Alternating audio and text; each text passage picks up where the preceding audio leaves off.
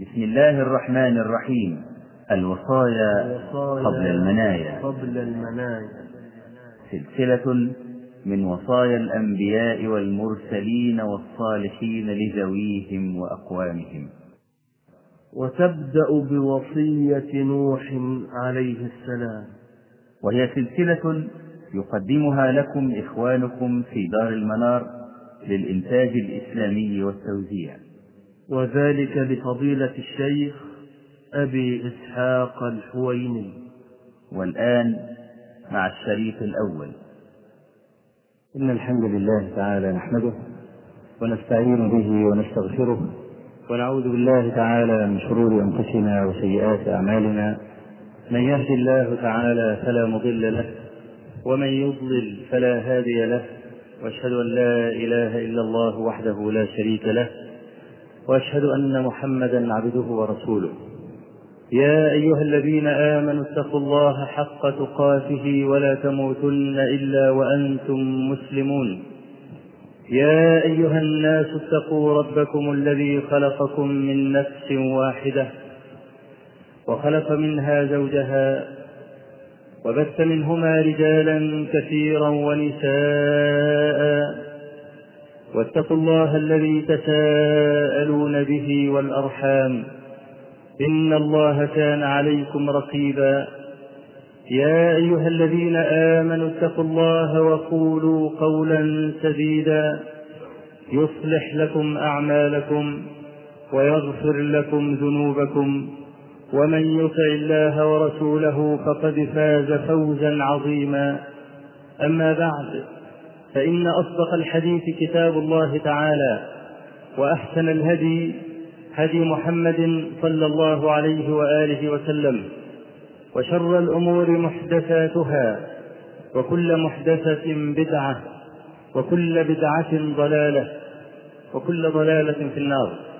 فهذه الخطبة وما يليها من خطب بعنوان الوصايا قبل المنايا. وأعني بالوصية آخر ما تكلم به المرسلون والأنبياء والصالحون من أهل العلم. يعني هي الوصية عند الموت. والوصية معناها العهد. فلان أوصى لفلان أي عهد إليه. وقد علمنا الله عز وجل الوصية وأمرنا بها. وعلمناها رسول الله صلى الله عليه وسلم وأمرنا بها. وأكثر ما تكون الوصاة من الله على الوجوب إما لاجتناب محرم أو لفعل واجب. قال تعالى ولقد وصينا الذين أوتوا الكتاب من قبلكم وإياكم أن اتقوا الله. وتقوى الله فرض. وقال تعالى قل تعالوا أتل ما حرم ربكم عليكم ألا تشركوا به شيئا وبالوالدين إحسانا ولا تقتلوا أولادكم من إملاق نحن نرزقكم وإياهم ولا تقربوا الفواحش ما ظهر منها وما بطن ولا تقتلوا النفس التي حرم الله إلا بالحق. ذلكم وصاكم به لعلكم تعقلون. ولا تقربوا مال اليتيم إلا بالتي هي أحسن حتى يبلغ أشده. وأوفوا الكيل والميزان بالقسط لا نكلف نفسا إلا وسعها. وإذا قلتم فاعدلوا ولو كان ذا قربى. وبعهد الله أوفوا ذلكم وصاكم به لعلكم تذكرون.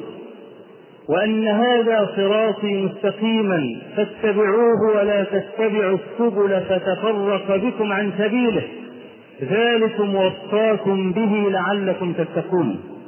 وقال تعالى ووصينا الإنسان بوالديه إحسانا. ووصينا الإنسان بوالديه ووصينا الإنسان بوالديه حسنا. والنبي صلى الله عليه وسلم يقول في حديث ابن عمر الذي أخرجه البخاري ومسلم في صحيحيهما ما حق امرئ مسلم يبيت ليلتين؟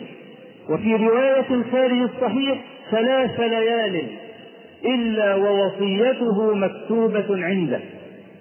ما حق امرئ مسلم أي ما يجمل بالمرء المسلم أن يبيت ليلتين وعنده شيء يريد أن يوصي به فلا يفعل. إن المنية يوشك أن تسبق الوصية إذا لم ينتبه الإنسان.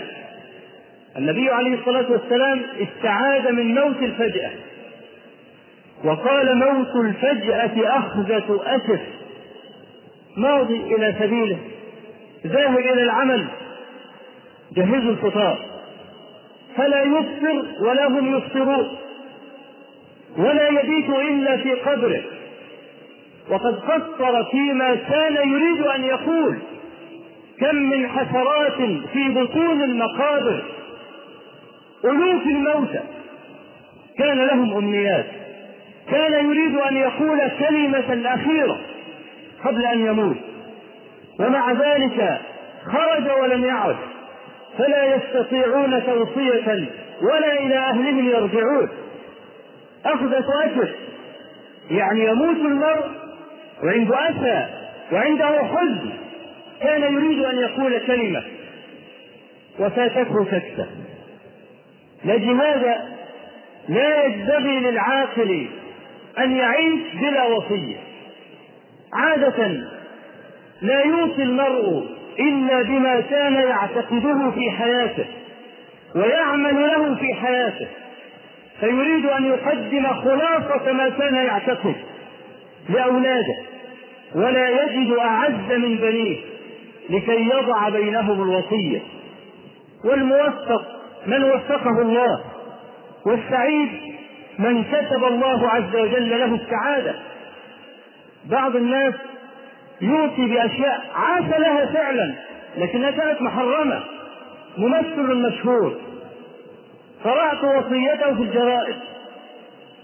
أوصى أن تخرج جنازته من المسرح القومي المقدس الذي أفنى حياته كلها له. وموسيقار آخر مشهور أوصى بأن يوضع العود في مدح.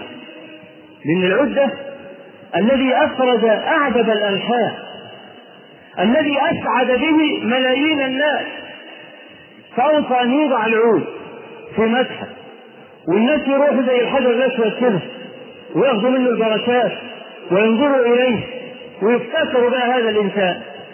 ورجل آخر مغني مشهور يوم الخميس الكبير ذهب ألوف كل واحد معاه تسجيل ومعاه فريق. وكل واحد معاه أغنية وهاتي تسجيل أغاني عند القبر. عند القبر بيشغلوا الأغاني بتاعته وشغلها له في 40 والذكرى السنوية.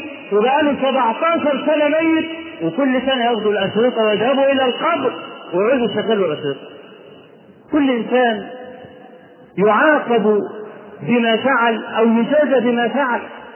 السعيد من سعد في بطن أمه.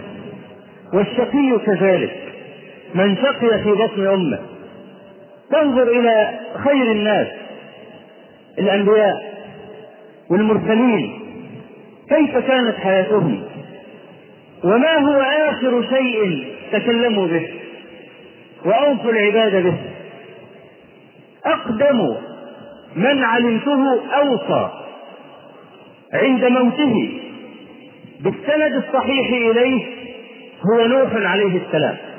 ونحن نتحرى فيما يتعلق بالأنبياء والمرسلين نتحرى الإسناد الصحيح. وكذلك الصحابة. ونتسامح في الأسانيد. إذا كان في بعضها كلام عند التابعين وأهل العلم. أما وصية نوح عليه السلام فرواها الإمام البخاري في كتاب الأدب المفرد ورواها الإمام أحمد في مسنده والبزار والطبراني بإسناد صحيح عن عبد الله بن عمرو بن العاص رضي الله عنهما. قال كنا جلوسا عند رسول الله صلى الله عليه وآله وسلم فجاء رجل أعرابي من أهل البادية عليه سيجان مزروره بديباج. سيجان نوع من أنواع اللباس الأخضر. مزروره بديباج يعني لها أزرار من حرير. أو مكفوفه أي مزينة مطعمة بحرير. فلما رآه النبي صلى الله عليه وسلم وكان أفرس الناس إذا رأى الرجل عرفه.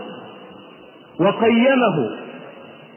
فلما رآه قال هذا يريد أن يرفع كل راع ابن راع ويضع كل فارس ابن فارس. يعني الراعي والفارس بينهما مسافة. الفارس كناية عن الرجل النبيل. والناس لما تحب ترفع واحد يقول له يا كابتن كابتن يعني يا فارس. رجل فارس يعني نبيل. ليه؟ لأنه لم يكن يركب الفرس. ولم يكن يقاتل على الفرس إلا الشجعان. والفرس أو الفارس بس لرأس الحربة. زي اللي بيركبوا الطيارات المقاتلة. الطيار بالذات المقاتل أرفع من اللي بيركب دبابة تجد سلاح الطيران أعلى في المرتبة وفي التقييم وفي المرتب من سلاح المشاة. مع ان سلاح الطيران ما ينفعش الا بحماية ارضية. لكن في ناس لهم الشهرة والصيت وناس عليهم العمى لكن اشتهر بين الناس أن الفارس كلمة تطلق على الرجل النبيل في النسب. طيب ده رجل زي لابس طيلسان أخضر مزرور بديباج وأكيد كان ظاهر عليه علامات الكبر فاكر نفسه هو اللي في الدنيا. فلما رآه النبي عليه الصلاة والسلام بهذه الهيئة قال إن الرجل ده أتى ليضع أهل الفضل ويرفع الرعاع والسوق هو عايز يعمل كده. إن هذا يريد أن يرفع كل راع ابن راع لا له نسب ولا لأبيه نسب ولا له كرامة ولا لأبيه كرامة.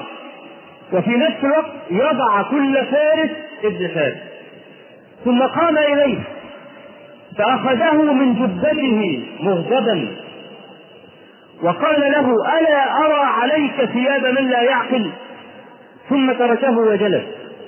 ثم قال صلى الله عليه وسلم إن نوحا عليه السلام لما حضرته الوفاة دعا ابنه وفي رواية للإمام أحمد دعا ابنيه هكذا على التثنية فقال إني قاص عليكما الوصية. وفي لفظ لأحمد قال إني قاصر عليكما الوصية. آمركما باثنتين وأنهاكما عن اثنتين.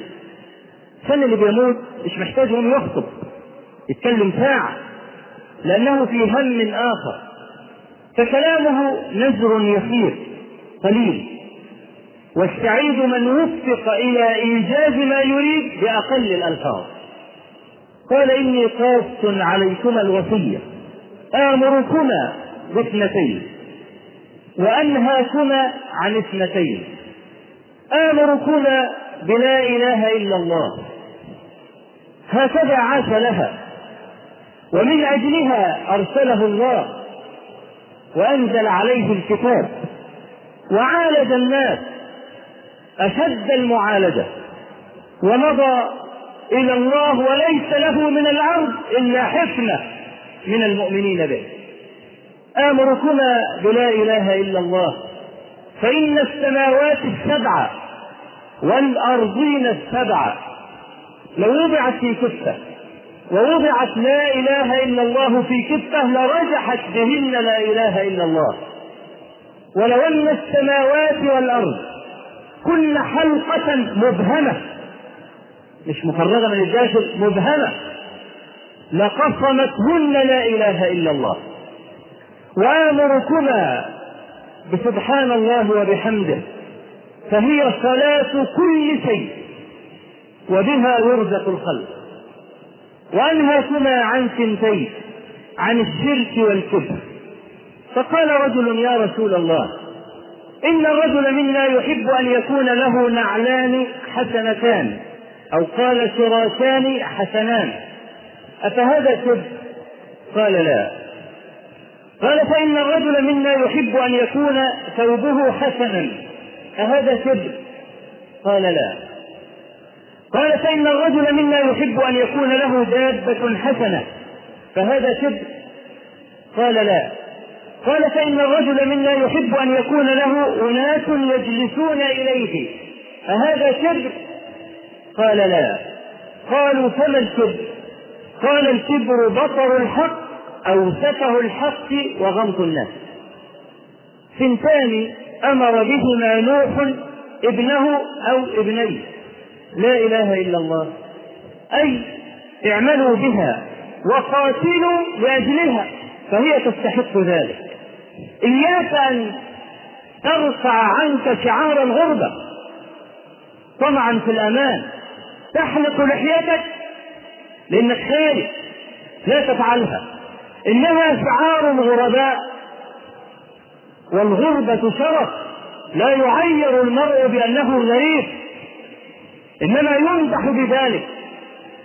قال النبي صلى الله عليه وسلم إن الإسلام بدأ غريبا.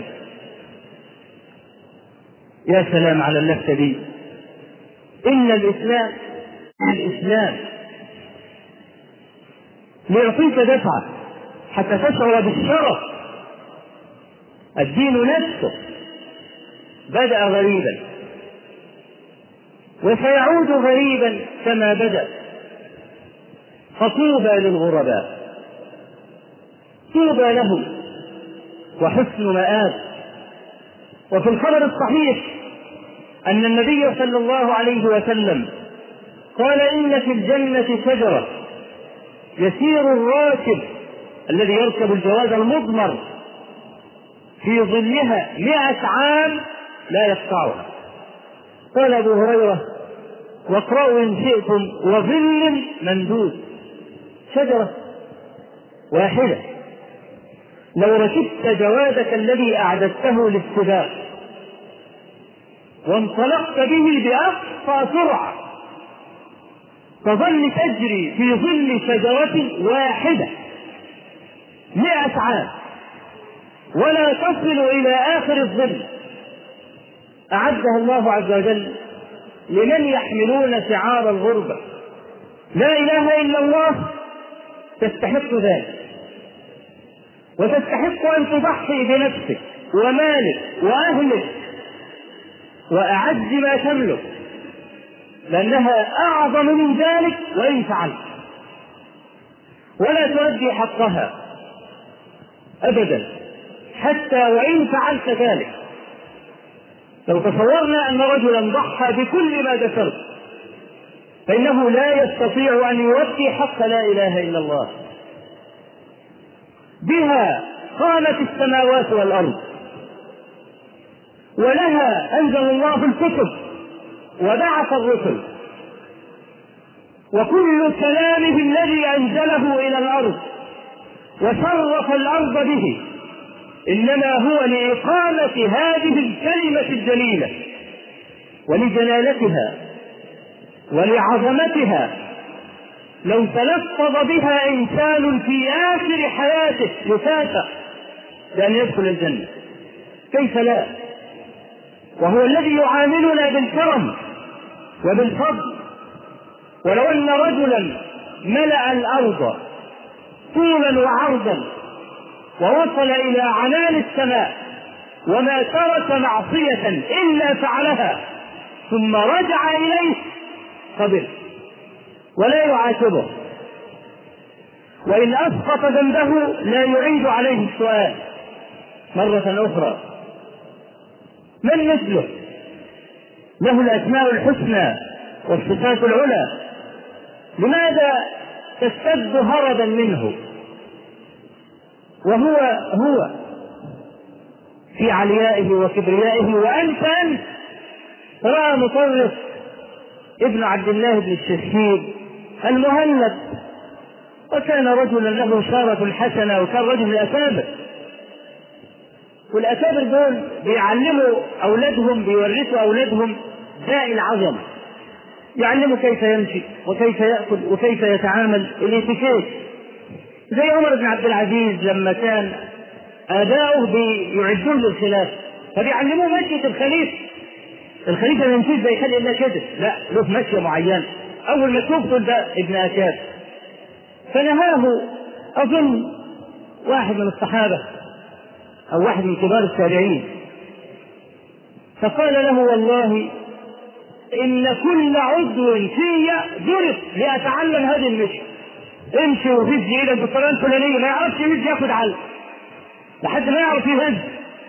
ايده قال له المشية التي تنهاني أنت عنها الآن كل عضو في ضرب. عشان أتعلمها. ليتعلمها مطرف. ابن عبد الله بن راى المهند. يمشي مشية الأكابر فنهاه عن ذلك. فالتفت إليه المهلب مستنكرا. قال ألا تعرفني؟ قال نعم أعرفك. أولك نطفة نجرة وآخرك جيفة قذرة. وأنت بين ذلك تحمل العذرة العذرة اللي هي حضرات البطن كل واحد فينا كنيف يمشي على الأرض. ألا تستحون؟ أولك نطفة نجرة وآخرك جيفة قذرة وأنت بين ذلك تحمل العذرة فقل لي ما هو مسوغ الكبر عندك؟ وقد خلقت عبدا رغم أنفك. فاستحيا المهلة. لا إله إلا الله ليست كلمة. تقال. لأجلها خرج الصحابة. ولأجلها أوذي النبي صلى الله عليه وسلم. تركوا الديار والأموال. وترك الدار من أعظم المصائب قرنها الله عز وجل بالقتل قال تعالى ولو أنا كتبنا عليهم أن اقتلوا أنفسكم أو اخرجوا من دياركم ما فعلوه. فقرن ما بين القتل والخروج من الدار خرجوا من الديار وتركوها وطوحوا بها خلف ظهورهم فداء لله ورسوله. وما ندموا على شيء من ذلك. مصعب ابن عمير الشاب المنعم الذي كان فراشه من الحرير الخالص وكان مدللا غاية التدليل خرج سفيرا لدينه غريبا. وذهب إلى المدينة يسبق النبي صلى الله عليه وآله وسلم داعيا. لما مات لم يجدوا بردة يواروه بها. إن غطوا رأسه بدا رجلاه. وإن غطوا رجليه بدا رأسه. تذكره عبد الرحمن بن عوف كما في صحيح البخاري. تذكر مصعب بن عمير وكان صائما وقرب إليه الإفطار ليفطر. فتذكر هؤلاء الصحبة الذين ماتوا في سبيل الله. فقال قتل مصعب بن عمير وكان خيرا مني. وقتل حمزة وكان خيرا مني. ثم بسطت لنا الدنيا. ماتوا ولم يأكلوا من أجورهم شيئا. ثم بسطت لنا الدنيا. فما زال يذكرهم ويبكي حتى ترك الطعام. هؤلاء ما أخرجهم من ديارهم إلا هذه الكلمة المعظمة الشريفة التي قامت بها السماوات والأرض. لا إله إلا الله هي الأمانة. التي أشار إليها رب العالمين في قوله تبارك وتعالى إنا عرضنا الأمانة على السماوات والأرض والجبال فأبين أن يحملنها وأشفقن منها. وحملها الإنسان أشفقن منها لأنها صعبة ولها تكاليف صعبة وحملها الإنسان إنه كان ظلوما جهولا. لم يعرف قدر نفسه فلم يعرف قدر الكلمة. لا إله إلا الله من عظمتها أن تطيش السماوات والأرض في مقابلها. فكيف بذنوب حتى وإن ملأت السماوات والأرض. روى الترمذي وغيره أن النبي صلى الله عليه وآله وسلم قال يصاح برجل بين يدي الخلائق يوم القيامة. يصرخ عليه. وذلك اليوم كما قال الله عز وجل ذلك يوم مجموع له الناس وذلك يوم مشهود. يصاح بهذا الرجل على رؤوس الخلائق وتؤتى بالسجلات التي كتبت فيها ذنوبه. تسعة وتسعون سجلا كل سجل مد البصر طولا وعرضا. الورقة طولها منتهى بصرك. وعرضها منتهى بصرك. وتسعة وتسعين دفتر. فيقول الله عز وجل انظر هل تنكر شيئا مما فيها؟ كتبنا عليك شيئا لم تفعله. فيقول لا. فيساق إلى النار. وقد علم أنه من أهل النار. فيقول الله عز وجل لا للملائكة ردوه. ثم يقول له عبدي إنه لا يظلم عندي اليوم أحد وإن لك عندنا بطاقة. بطاقة؟ زي كف اليد. فالرجل في نفسه يقول وما بطاقة في مقابل تسعة وتسعين سجل. المساله عند الله عز وجل مساله موازين 99 دفتر في كفة وبطاقة في كفة. وإذا مكتوب في البطاقة لا إله إلا الله. فتوضع البطاقة في كفة فترجح بالسجلات كلها. قال صلى الله عليه وسلم ولا يرجح باسم الله شيء. لا يرجح باسم الله شيء. وهذه بطاقة لكن فيها الكلمة التي قامت بها السماوات والأرض. أقول قولي هذا وأستغفر الله العظيم لي ولكم. الحمد لله رب العالمين له الحمد الحسن والثناء الجميل. وأشهد أن لا إله إلا الله وحده لا شريك له. يقول الحق وهو يهدي السبيل. وأشهد أن محمدا عبده ورسوله. صلى الله عليه وعلى آله وصحبه وسلم. والكلمة الثانية سوف نقف مع لا إله إلا الله وقفات لأن هذا أيضا مما وصى به إبراهيم بنيه. ويعقوب أيضا وصى بنيه بها. فلذلك أكتفي بما ذكرته. قال وآمركما بسبحان الله وبحمده. فهي صلاة كل شيء وبها يرزق الخلق. سبحان الله يعني أنزه الله. أنزهه عن النقائص وعن الشبيه وعن الند وعن النظير. كل شيء يخطر ببالك فالله أجل من ذلك. وليس معنى هذا أن ننفي ما أثبته الله عز وجل لنفسه بدعوى التنزيه. فإن أناسا ضلوا في باب الأسماء والصفات بهذا. له وجه؟ يقول لا ليس له وجه. لأن معنى إثبات الوجه له يبقى أنا شبهته بخلقه. فيبقى ليس له وجه؟ نقول لا. كذبوا.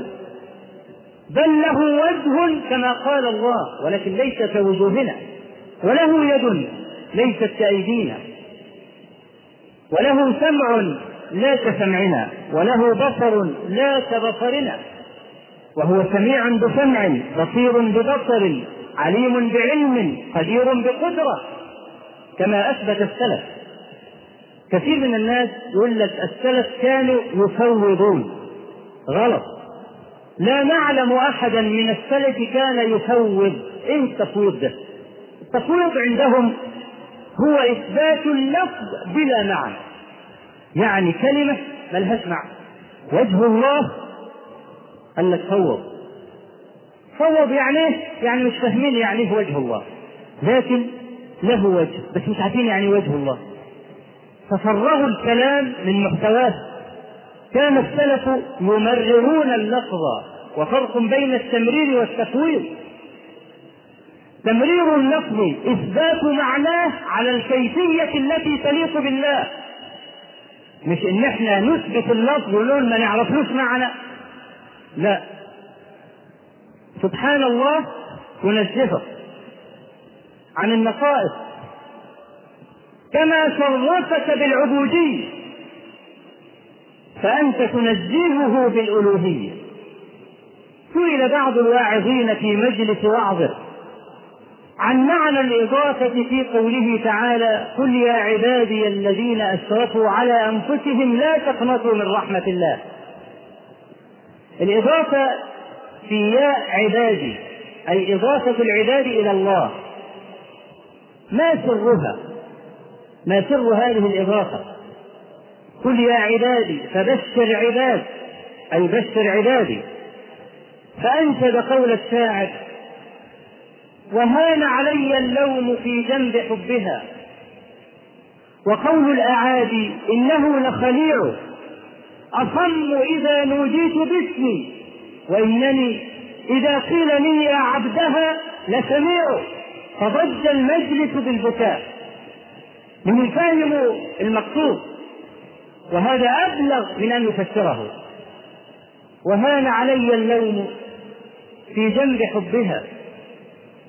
وقول الأعادي يعني وهان علي قول الأعادي. إنه لخليع أصم إذا نوديت باسمي. وإنني إذا قيل لي يا عبدها لسميع. أراد أن يقول حظ نفسي هدر بجنبه. هو مقدم إذا قيل لي يا عبده أنا أسمع. لن يحبه. والأصم لو كان محبا لسمع بقلبه. إن الأصم يفهم. وهذه لغة الحب. وهي أرقى أنواع التعامل. أن نتعامل بلغة الحب. تعرفين حبيبة يقول لك لغة العيون لغة العيون يعني رجل لا يتكلم. يظهر الكلام في بريق عينه. فإذا كان هناك رجل أو إنسان يدعي المحبة ويتغزل فيه ومع ذلك لا يفهم إشارة عينك فهو غير محب. بريق العين له معنى. أصم إذا نوديت باسمي. وإنني إذا قيل لي يا عبدها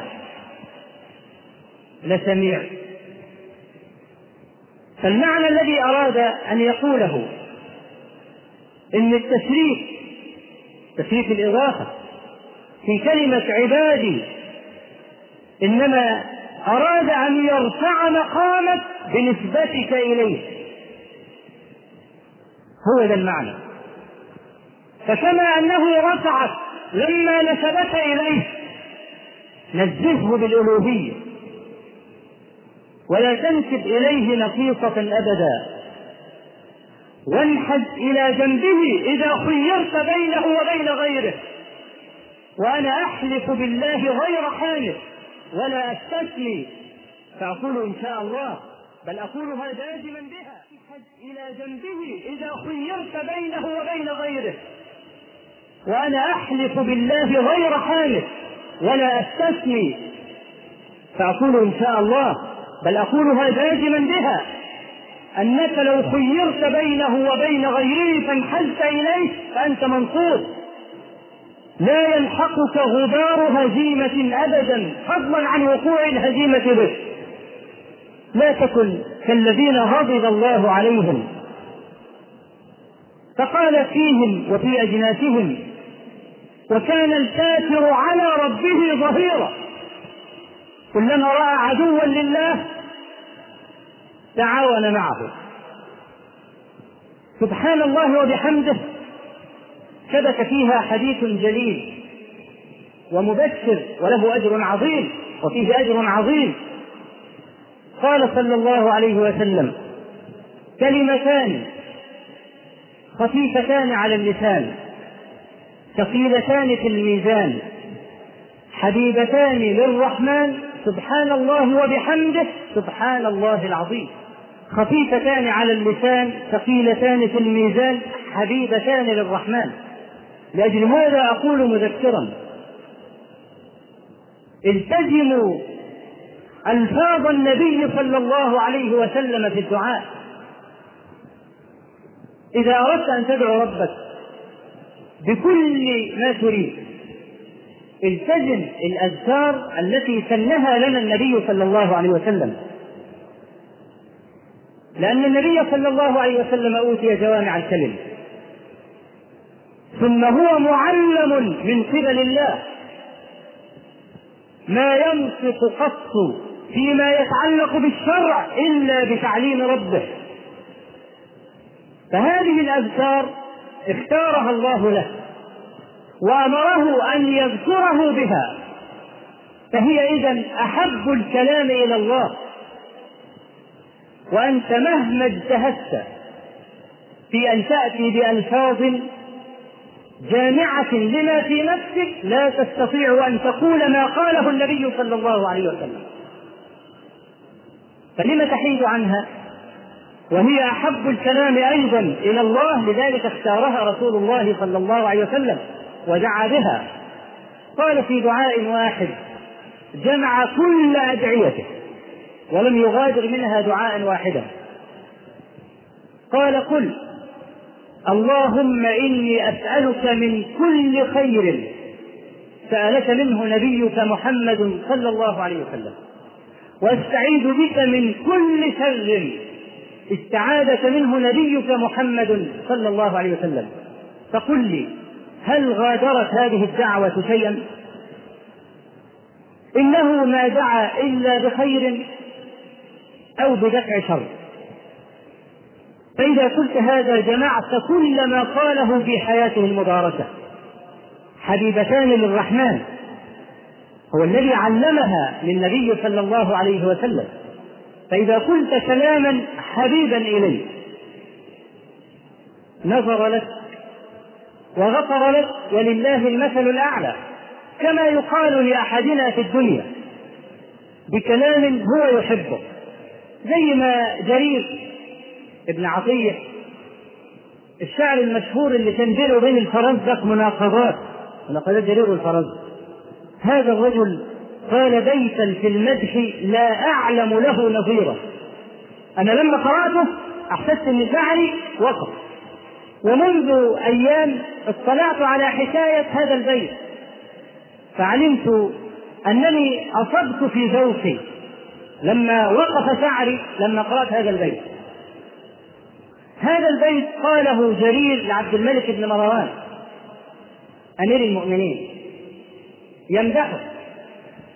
قال ألستم خير من ركب المطايا وأندى العالمين بطون راحي.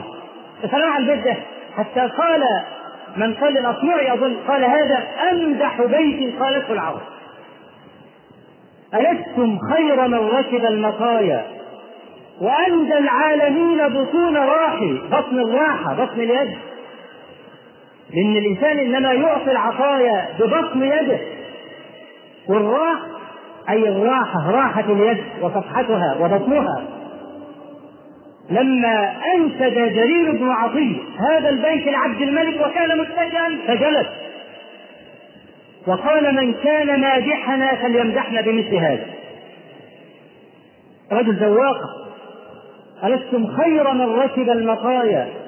وأندى العالمين بطون راحي فلما أنت تقول كلاما حبيبا لأي إنسان تستميل قلبه وتسل سخيمة صدره عليه إذا كان غاضبا. ولله المثل الأعلى. فكيف لو قلت كلاما حبيبا إليه هو يحبه. وهو الذي علمه نبيه صلى الله عليه وسلم. ومنه هذه الكلمة العظيمة.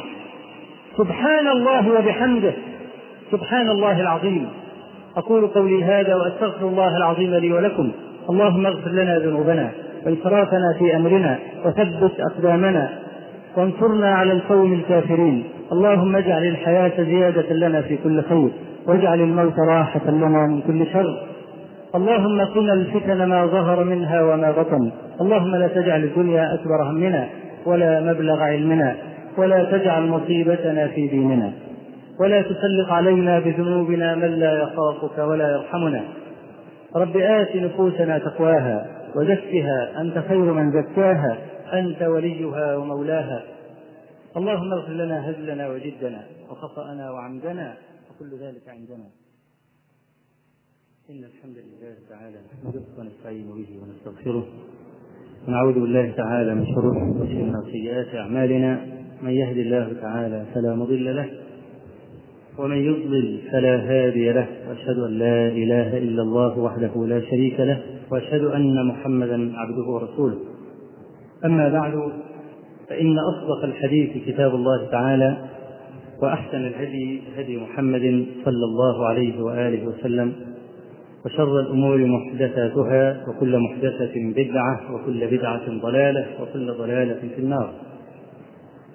اللهم صل على محمد وعلى آل محمد كما صليت على إبراهيم وعلى آل إبراهيم في العالمين إنك حميد مجيد وبارك على محمد وعلى آل محمد كما باركت على إبراهيم وعلى آل إبراهيم في العالمين إنك حميد مجيد. الوصية آخر ما يوصي به الإنسان لمن يحب أو لمن يلزمه واجبة الوفاء إلا إذا اشتملت على معصية. وهذا ما يؤكد خطر الوصية ويؤكد أهميتها. وأن الرجل لما تكلم إنما تكلم لشيء ذي بال. وصية. على رأي الجمهور ليست واجبة لعينها بل لما اشتملت عليه من الحقوق. في حديث ابن عمر ما حق امرئ مسلم يبيت ليلتين إلا ووصيته مكتوبة عنده. معنى انك توصي إنك أنت تذكرهم أنك ميت. وهذا شيء أهملناه في بيوتنا. لا يكاد الرجل يذكر الموت في بيته. إذا اتشحن كده في المسجد سمع كلمتين سخنوه يروح والله يا فلانة أنا إذا مت مت؟ بعد الشر؟ تموت إزاي؟ ما تقولش الكلام سكت من فوق؟ ده اللي بيحصل في البيوت؟ والرجل ما يعرفش يقول كلمتين. ما يعرفش يقول عايز إيه. مفيش تعاون مفيش تواصل على المسألة دي. لذلك يموت كثير وهو محفوظ. كان نفسه يقول كلمة. قبل أن يموت. ومع ذلك لم يمكن منها. ذكر الموت في البيوت علاج لكل المشاكل. لو أن الرجل الذي يفتري ويظلم امرأته ويظلم أولاده ويفرق بينهم في العطية وفي الوجه وفي الابتسام وفي الحب يعلم أنه سيموت. وأنه سيدفن وحده. وهذا الأنس الذي يشعر به لا سيما شهر رمضان. أنس بقى الاجتماع على الفطار والواحد يبقى فرحان وهو مجتمع مع أولاده. على الإفطار إذا نزع من هذا الأنس ووضع وحده. والجماعة اللي بتاخده انفرادي يحسوا بالعملية. دي قاعد لوحده كده.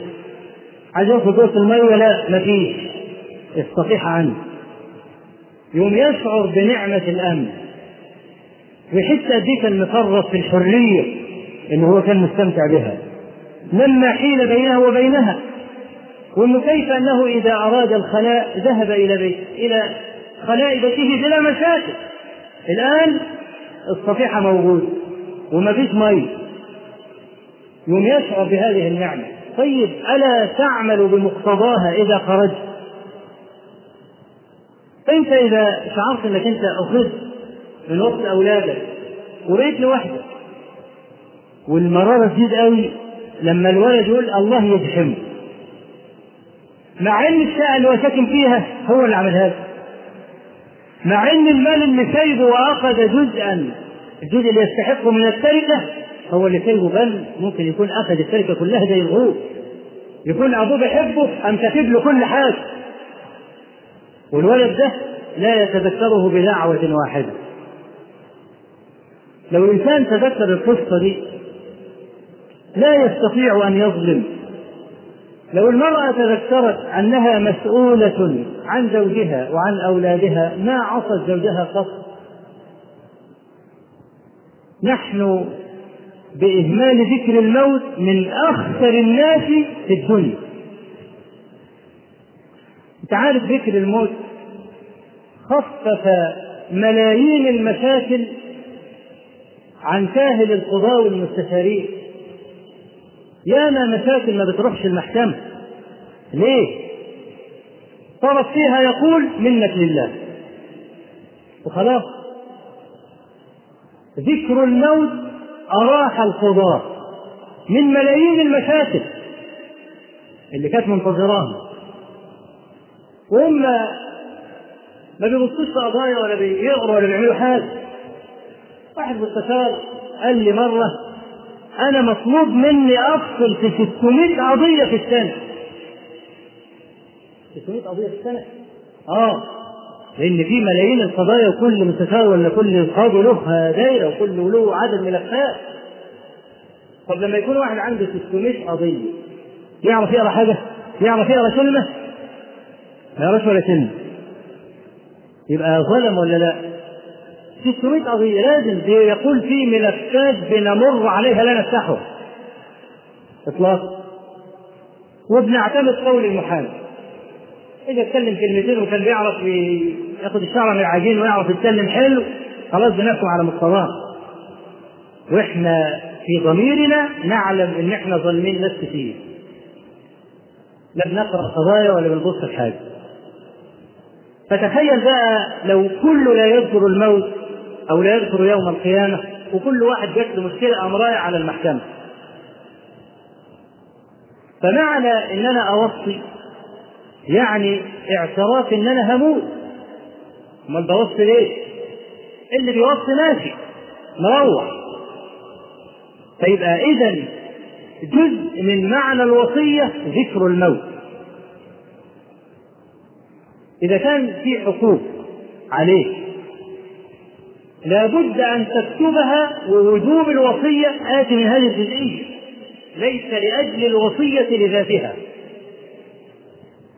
ولذلك النبي صلى الله عليه وسلم جعل فتح. قال يومين. وفي رواية سالم عن ابن عمر قال ثلاث ليالي. يعني عين الفسحة عشان الواحد ياخد براحة في الوصية. عليك ديون اكتبها لازم. وتكون الديون اللي تكون الصفحة متجددة. في ديون انت بتدفعها. اكتب قسط اللي انت دفعته وطرحه من المجمع المجموع يبقى عليك كذا. ليك فلوس عند الناس. قول لي عندي فلان كذا وكذا. هو ده القدر الواجب في الوصية. ثم تأمرهم بتقوى الله. وما كنت لأجله تعيش أو بعبارة أدق وما كان ينبغي لك أن تعيش من أجله. لا توصي بشيء حرمه الله ورسوله أبدا. فمروح. يعني كل الدنيا لا تساوي جناح بعوضة بالنسبة لك. خلاص. عارفين في مثل بيقول لك واحد ياكل الليمونة والثاني يتدرس هي المسألة كده بالضبط هو بقى اللي بيتدرس وهما بياكلوا الليمونة أي يجني عاقبة ما بذله لغيره. فلا توصي بشيء حرمه الله ورسوله. لا توصي لا بخميس كبير ولا باربعين ولا بذكرى سنوية ولا بنشر النعي في الجرائد والمجلات ولا توصي بعربية تعذب مآثر الفقير. فقير الشباب اللي كان بيشغل منصب كذا وكذا وكذا وكذا خلاص راحت النياشين دي. راحت النياشين دي ما عاد لها قيمة. الرجل الذي كان يشار إليه بالبنان في الدنيا يأتي الله عز وجل له جناح بعوضة. أهل النار لما دخلوا النار اللي كانوا بيتريقوا على الناس الملتزمين. تعال خدنا على جناحك يا سني. التريقة اللي حصلت وبتحصل قالوا ما لنا لا نرى رجالا كنا نعدهم من الأشرار وما راحوا فين اللي إحنا كنا بنقول لهم والله ما هتوردوا على جنة يقول لك كده يقول لك انت هتدخل الجنة انت؟ انت بتصلي الصبح هتدخل النار حد ده أنا قلبي أبيض زي اللبن. قلبه أبيض وهو يدخل النار. فبيسأل ما لنا لا نرى رجالا كنا نعدهم من الأشرار اتخذناهم سخريا أم زاغت عنهم الأبصار؟ إن ذلك لحق تخاصم أهل النار. يعني مش مش بيتساوي بس ده بيتساوي هو بيكف في وش اللي جنبه. تخيل يعني لو اثنين في زنزانة ومذهبهم مختلف ما يعرفوش يعيشوا يبقى هو ده السجن فعلا. ويبقى ويعرف المسألة دي أوي أوي. اللي ربنا رزقه بزوجة نكدية عنده أولاد وما يقدرش يسيب الولاد ولا يقدر يسيب البيت. وكرامته مهدرة والمرأة عمالة تمسح به الأرض ومش قادر يطلع بره. لازم كل ليلة يروح. رب مملول لا يستطاع كرامه أو شوف الدنيا واسعة إزاي؟ وهي أضيق عليه من فم الخياط عشان كده العرب كانت بتقول ما ضاق مجلس بمتحابين. ها؟ لقمة صغيرة تكفينا عش العصفورة الأرضين ولا كلام يفسر؟ ها؟ اثنين حبايب لو عايشين في خن. يقول لك شوف من رحمة ربنا إنه ضيق عشان نلزق في بعض. ويرى إن الضيق ده هو متعة وميزة لكن لما يكون في اثنين متنافرين في مكان واحد هو ده فعلا السجن فدول بيتعذبوا كلما دخلت أمة لعنت أختها وبعدين نزلت فيما بعض ويتخاصمون وهم يعذبون. لكن شوف بقى الناحية الأخرى.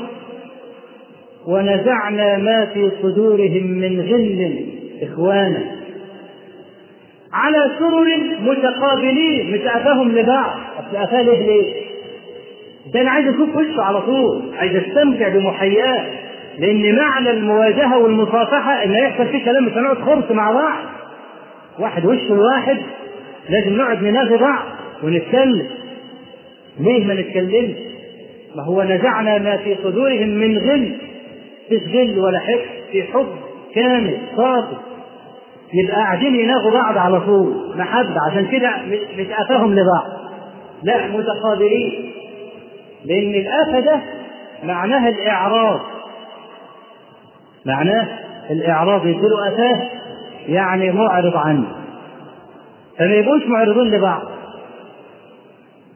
فإذا السجن الحقيقي إن يكون في ناس متنافرين فدول بقى دخلوا النار وعمالين يقولوا اتخذناهم سخريا.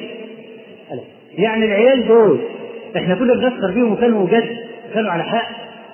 ولا هم دخلوا عنبر ثاني ها؟ زاغت عنهم الأبصار مش عارفين نشوفهم. مثلا إن ذلك لحق. إيه هو ده؟ تخاصم أهل النار. أي إن تخاصم أهل النار حق. ما فيهاش أي متعة.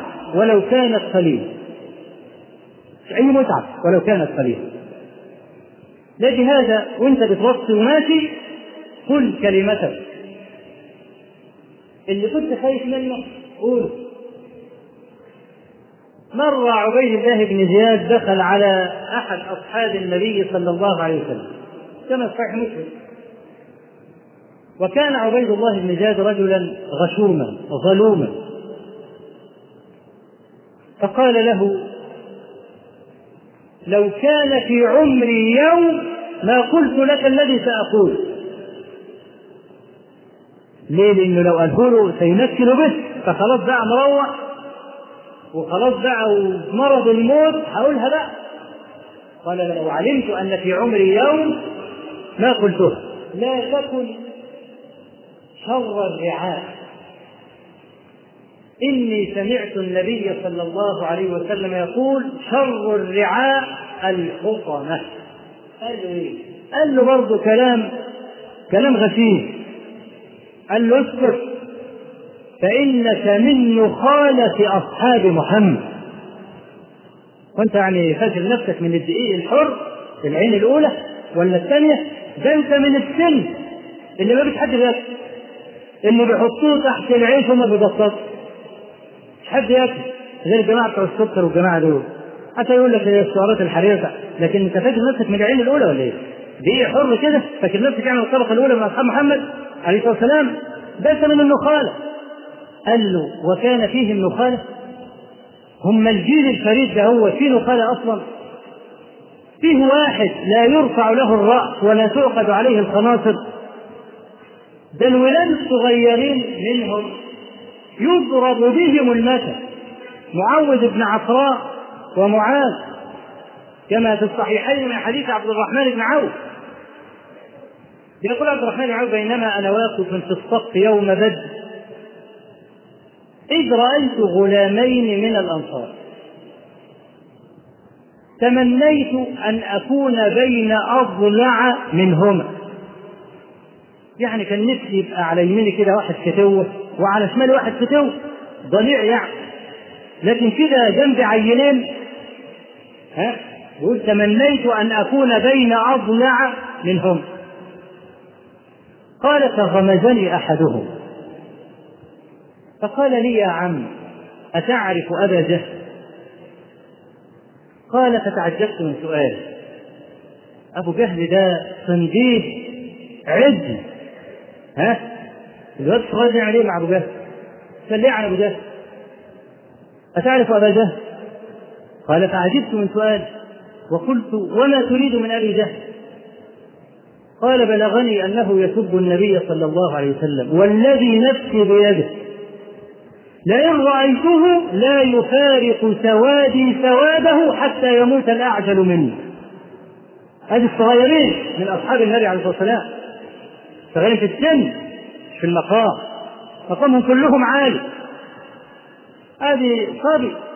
يقول أنا لو شفته أقسم بالله. ما هسيبه لما يموت يانا يا هو هذه معنى إذا رأيته لا يفارق سوادي السواد والشر وإنما سميت الشخص سوادا لأن له ظل. الظل بتاعه اللي بيرميه على الأرض ده اسمه سواد. فكل شيء له ظل اسمه سواد.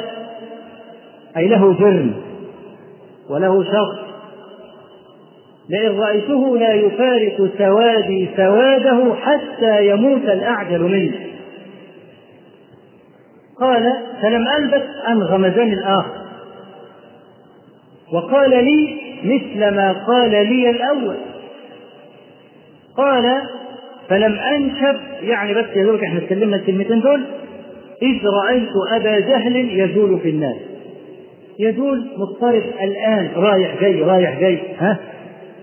زي الواحد طول الليل ماشي بتحبني ما بتحبنيش بتحبني ما بتحبنيش واخد السكه إيه رايح جاي.